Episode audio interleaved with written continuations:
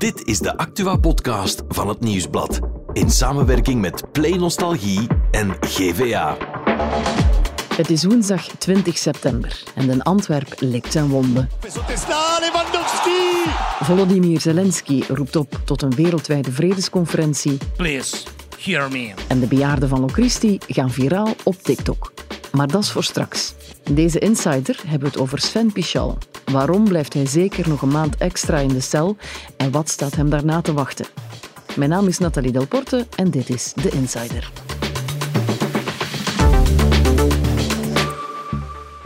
Een belang van een cliënt is hoe moet hij verder. Een belang van een cliënt is tevens hoe kunnen we deze zaak het best benaderen. En het belang van de cliënt is van wat na dit proces. En dat zijn een aantal elementen die we vandaag ook in ons hoofd hebben meegenomen, die ook deel hebben uitgemaakt van het pleidooi. We hoorden hier Walter Dame, een van de advocaten van Sven Pichal, uh, bij de collega's van ATV. Bij ons, onze insider vandaag, Mark Lifman, crimijournalist bij het Nieuwsblad. Dag Mark. Dag Nathalie. Mark, jij volgt de zaak Sven Pichal. Ja. Gisteren deed de Kamer van een beschuldigingsstelling in Antwerpen een uitspraak over de zaak. En die was toch op zijn minst opmerkelijk en werd ook heel snel beslist? Het was zeker opmerkelijk. Het is, allez, we weten, hè, Sven Pichal die zit nu al bijna een maand in de gevangenis van, van Turnhout. Mm. En hij werd gisteren, um, ja, was er dus een zitting voor de Kamer van een beschuldigingsstelling, dat is het Hof van Beroep. Um, en hij, hij, moest daar naartoe met een gevangenisbusje. Hij werd overgebracht van, uh, van de gevangenis naar de rechtbank. Ja. Om te horen van, ja, moet je nu langer in de cel blijven of niet? En daar is eigenlijk al vrij snel, ik denk na 20 minuten al beslist, um, dat hij effectief nog minstens een maand langer in de gevangenis moet blijven. Ja, dat is bijzonder, want drie weken geleden werd er nog op aangedrongen om hem met enkelband naar huis te sturen. Dat is een kanteling, van waar komt dat ineens? Ja, absoluut. Is, ik, ik, ik, denk dat er verschillende redenen zijn. Volgens mij zijn er wel drie redenen waarom hij um, nog steeds achter de tralies moet blijven enerzijds heb je toch, ja, er, er is sprake van zeer zware feiten. Hè. Dus dat mm werd al meteen duidelijk na zijn arrestatie, mm dat uh, ja, Sven Pichal, die wordt ervan verdacht dat hij samen met enkele medeverdachten um, ja, harde, extreme beelden van, van minderjarigen, uh, van beelden van kindermisbruik zou hebben verspreid. Ja. Um, en het gerecht tilt er natuurlijk zeer zwaar aan. Mm -hmm. Um, daarnaast, wat ook wel meespeelt, is dat verrassend genoeg eh, hebben de advocaten van Sven Pichel voor de Kamer van een beschuldigingsstelling niet gevraagd om hem vrij te laten. Dat is iets raars, want dat hoor je niet zo vaak, hè?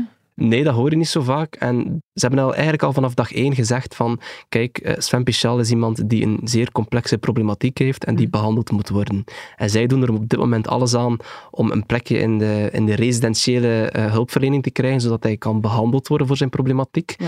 En in afwachting daarvan zeggen zij van kijk, het is dan misschien beter om hem uh, in een ja, gecontroleerde omgeving te laten, totdat hij een plekje krijgt. Ja. ja daar komen we straks nog op terug, want er is nog een derde reden. Ja, natuurlijk. de, de Kamer van een als zij iemand ja, verder aanhouden, moeten ze natuurlijk ook wel motiveren waarom ze hem in de gevangenis houden. En uh, uit, de, ja, uit de motivatie blijkt dat er ook nog altijd sprake is van een gevaar op recidive. Dus een, ja, dat er nog altijd een kans is dat hij zou hervallen. Ja. Er is ook een gevaar voor collusie. Dat wil eigenlijk zeggen dat er, uh, dat er nog steeds een risico bestaat dat hij op een of andere manier, stel dat hij vrijgelaten wordt, dat hij op een of andere manier het onderzoek of het dossier zou proberen manipuleren of beïnvloeden. Mm. Mm. En dat speelt ook mee waarom ze hem uiteindelijk toch nog uh, liever een maand in de gevangenis houden. Ja.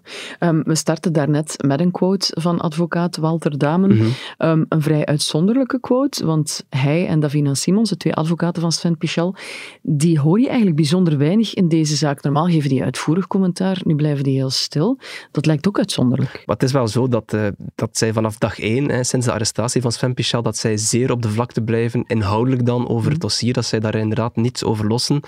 Ja, ergens is dat ook wel logisch, want het is een, het is een zeer delicaat dossier. Het gaat over het gaat over zedenfeiten, het gaat over beelden van kindermisbruik, minderjarigen. Advocaten zijn doorgaans al terughoudender als het over minderjarigen gaat. Uh, natuurlijk, hier speelt ook wel mee, denk ik. We zitten hier met een bekende Vlaming, bekend figuur. Het zou natuurlijk ook niet zo kies zijn als advocaat om dan van alles te verklaren wat niet in het belang is van je cliënt. Ex-radiopresentator Sven Pichal. Hij zit ondertussen al 25 dagen in de cel in de gevangenis van Turnhout voor het bezit en het verspreiden van beelden van kindermisbruik. Uh, Mark, weten we iets over hoe zijn dagen in de gevangenis eruit zien? ik denk dat die dagen er ja, zeer eentonig uitzien, zoals bij, bij alle gevangenen. Um, nee, wat we weten is dat ja, hij zit daar alleen opgesloten in een cel. Mm. En hij zou ook niet zo vaak buiten komen uit zijn cel. Um, dat gebeurt wel vaker bij mensen of gedetineerden die verdacht worden van zedenfeiten. Dat ze apart worden gehouden. Ja, dat wordt niet uh, algemeen niet echt geapprecieerd uh, binnen de gevangenismuren. Dat, is, dat, is een, dat is een bekend gegeven. Uh, natuurlijk, hij heeft wel recht op bezoek en hij zou ook bezoek krijgen van familieleden en natuurlijk ook zijn advocaten. In het begin werd hij om het kwartier gecontroleerd uit vrees dat hij zichzelf iets zou aandoen en dat hij een menselijk wrak zou zijn. Weet u daar iets meer over? Wel, het is wel opvallend. Hè. Dus in theorie hè, hadden ze advocaten dus ja, ook elektronisch toezicht thuis kunnen aanvragen. Mm hè, nu voor de, voor de Kamer van een beschuldigingsstelling. Dat hij dan thuis zijn voorarrest zou, zou uitzetten. En zijn familieleden, zijn broers hadden ook altijd vanaf het begin al aangegeven van ja, we steunen hem nog altijd en we zullen hem niet laten vallen. Maar we horen nu wel dat het eh, ja, volgens zijn omgeving niet goed gaat met, met zijn gemoedstoestand in de gevangenis. Um, en inderdaad, zijn advocaten spraken over een menselijk wrak. Maar ik denk dat het ook wel meegespeeld heeft dat ze, daar, dat ze daarom die vrijlating niet hebben gevraagd. Dat het misschien beter is om ja, de gevangenis is een soort gecontroleerde omgeving voor hem ook. En uh, ja, vandaar denk ik dat die, dat, die, dat die vrijlating niet wordt gevraagd momenteel. Ja. Wordt hij nu al begeleid? Wel, de, dat is wel opvallend. Dus de advocaten hebben dat wel toegegeven. Dat, um, ja, zij, zij zeggen eigenlijk al vanaf dag één, kijk, Sven Pichal die, die, die kampt met een zeer complexe problematiek en hij moet daarvoor behandeld worden. Dus wat doen zij vanaf dag één? Zijn zij op zoek gegaan naar mensen die hem kunnen onderzoeken. Ze hebben ook zelf meteen een psychiater aangesteld en die heeft hem al bezocht in de gevangenis. Ja. Daarnaast is er natuurlijk ook een gerechtspsychiater aangesteld, die moet hem ook nog uh, bezoeken in de gevangenis en daar een verslag van maken. Maar die advocaten hopen eigenlijk ja, zo snel mogelijk ergens een plekje te vinden in een instelling, in een residentiële opname, zodat Sven Pichal kan geholpen worden voor zijn problematiek, zoals ze het stellen. Um, maar ja, voorlopig is daar ja, schijnbaar geen plaats voor. Er zijn er ook lange wachtlijsten, dat is, een al, ja, dat is ook een bekend gegeven. Dat is de zogenaamde dadertherapie. Ja. Hoe moeten we ons die voorstellen? Goh, ik heb, uh, begin deze maand heb ik lang met uh, psychiater Niels Verbeek gesproken. Dat is, mhm. Die wordt een beetje beschouwd als een, dat is een forensisch psychiater en die wordt beschouwd eigenlijk als de expert, omdat hij ja, is gespecialiseerd in het begeleiden van daders met seksuele misdrijven. Ja.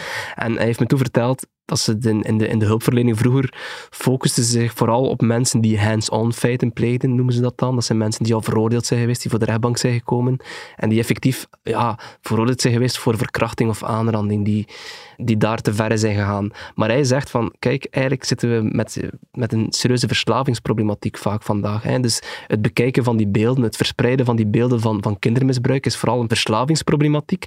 En dat los je niet op met een klassieke groepstherapie, zoals uh, bij die andere daders wel uh, vaak het, het, geval is. Hij zegt, we moeten die verslavingsproblematiek aanpakken en dat moet dan ook gebeuren in gespecialiseerde instellingen, psychiatrische instellingen, waar er effectief met psychiater wordt gewerkt. En dat is een moeilijk gegeven, omdat er natuurlijk, ja, er zijn heel veel vragen naar, er, is, er zijn serieuze wachtlijsten. En een zaak als deze maakt alleen maar dat die wachtlijsten nog langer worden? Ja, dat heeft hij, dat heeft hij gezegd. Um, bijvoorbeeld, je hebt initiatieven zoals Stop It Now, waarbij mhm. je dan een soort hulplijn, waarbij je dan ja, ja, jezelf kan aanmelden als je, als je merkt dat er een probleem is. Nu, een zaak als deze zorgt er natuurlijk voor dat er veel meer mensen zich aanmelden, omdat, er, omdat, er, omdat er iets aan de hand is. Maar helaas ja, is de zorg daar niet aan aangepast. Het tekort blijft. Ja, maar het is wel duidelijk en opvallend ook dat de advocaten van Pichal hem in zo'n traject willen krijgen.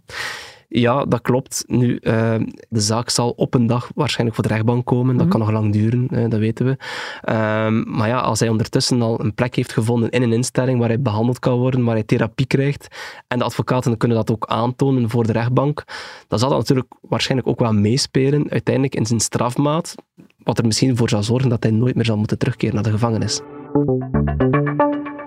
Mark, je zei het daarnet al, op een dag komt er een zaak van. Zover zijn we natuurlijk nog niet. Vraag is hoe het nu zal verder gaan. Over een maand verschijnt Pichal opnieuw voor de raadkamer. Wat mogen we daar dan verwachten?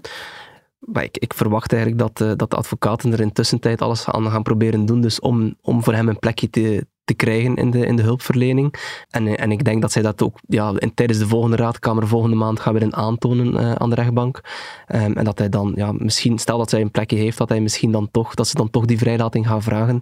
Maar goed, dat is een beetje af te wachten natuurlijk wat er uh, die komende maand allemaal gebeurt. Ja. En buitenstaanders hebben dan vaak zoiets van, ja, maar wat gebeurt daar nu allemaal? Wij weten van niks, waarom horen we daar niks van? Hoe zit dat? Ja, het is een feit dat er over de, ja, over de grond van dit dossier nog niet zo heel veel bekend is. We weten dus dat er, dat er een zwaar dossier is van van, van verspreiding van beelden van kindermisbruik. Nu, op zich is het ook niet zo raar dat, dat we nog niet zo heel veel weten. Hè. De zaak is pas half augustus aan het licht gekomen, een goede maand. Mhm. Ehm, we hebben bijvoorbeeld gezien in het dossier van Guy van Zande, die destijds in opspraak kwam. Dat is, een, dat is een zaak die drie jaar heeft geduurd, een onderzoek dat drie jaar heeft geduurd voordat het voor de rechtbank komt. Mhm. Eh, dus ja, het is een beetje af te wachten hoe lang het hier zal duren. Maar het is ook natuurlijk logisch dat de, dat de, dat de speuders ook nog ja, heel veel moeten onderzoeken. Hè. Er, zijn, er zijn huiszoekingen gebeurd, er zijn, er zijn computers in beslag genomen, telefonie. Dat moet allemaal ja, onderzocht worden. Hè. Voor hetzelfde geld worden er als gevolg daarvan nog andere mensen gearresteerd. Dus dat is allemaal een beetje koffiedik kijken, maar op zich is het niet zo uitzonderlijk uh, ja, dat de zaak, dat er nog geen sprake is van een proces of zo meer. Ja. Um, er moet nog veel gebeuren. En over de andere betrokkenen, want Pichal is niet de enige beschuldigde die nog in de cel zit. Ook Ruben DB en Benoit D. zitten nog vast. Hoe zit het daarmee? Wel, dat is uh, inderdaad Ruben DB, dat is een, dat is een, dat is een uh, musicalacteur. En de andere verdachte is een theatermedewerker. Mm. En die zitten ook nog steeds opgesloten in de gevangenis. Dus die moesten vorige week al voor de raadkamer verschijnen in Antwerpen. En ook voor hen is beslist dat zij nog minstens een maand langer in de gevangenis moeten blijven. Maar het is duidelijk dat het laatste woord hierover nog niet is gezegd. Nee, absoluut niet. Oké, okay, bedankt Mark. Je blijft het voor ons opvolgen. Ja, zeker en vast.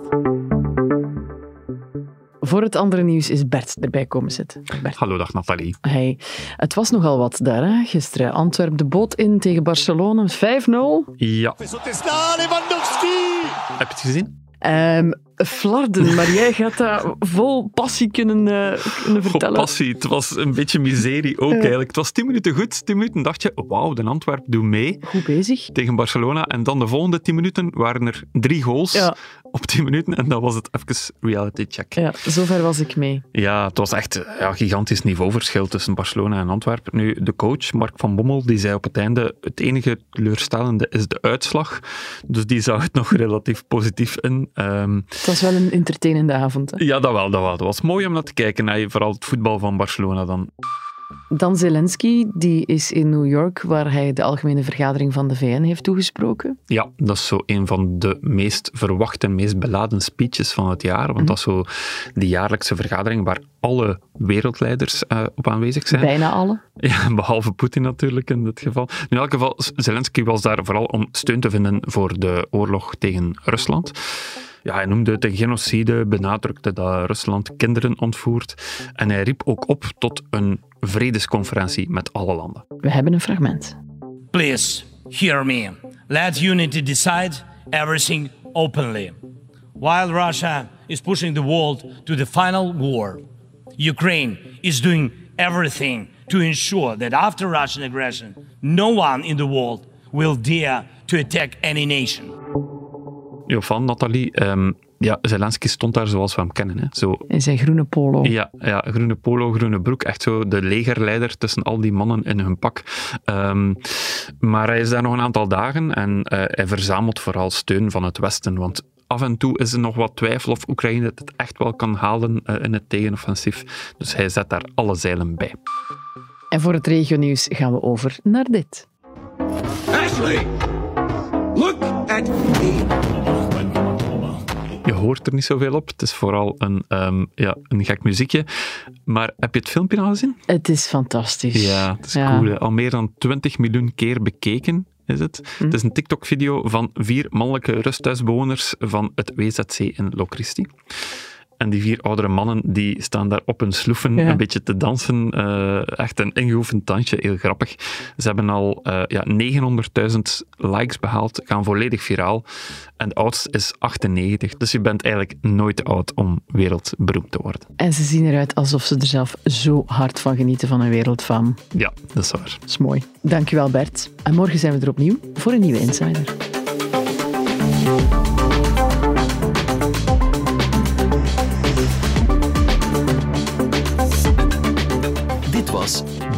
Insider, een podcast van het Nieuwsblad in samenwerking met Play Nostalgie en GVA. De muziek is van Pieter Santens. De montage gebeurde door House of Media. Wil je reageren? Mail naar podcast.nieuwsblad.be.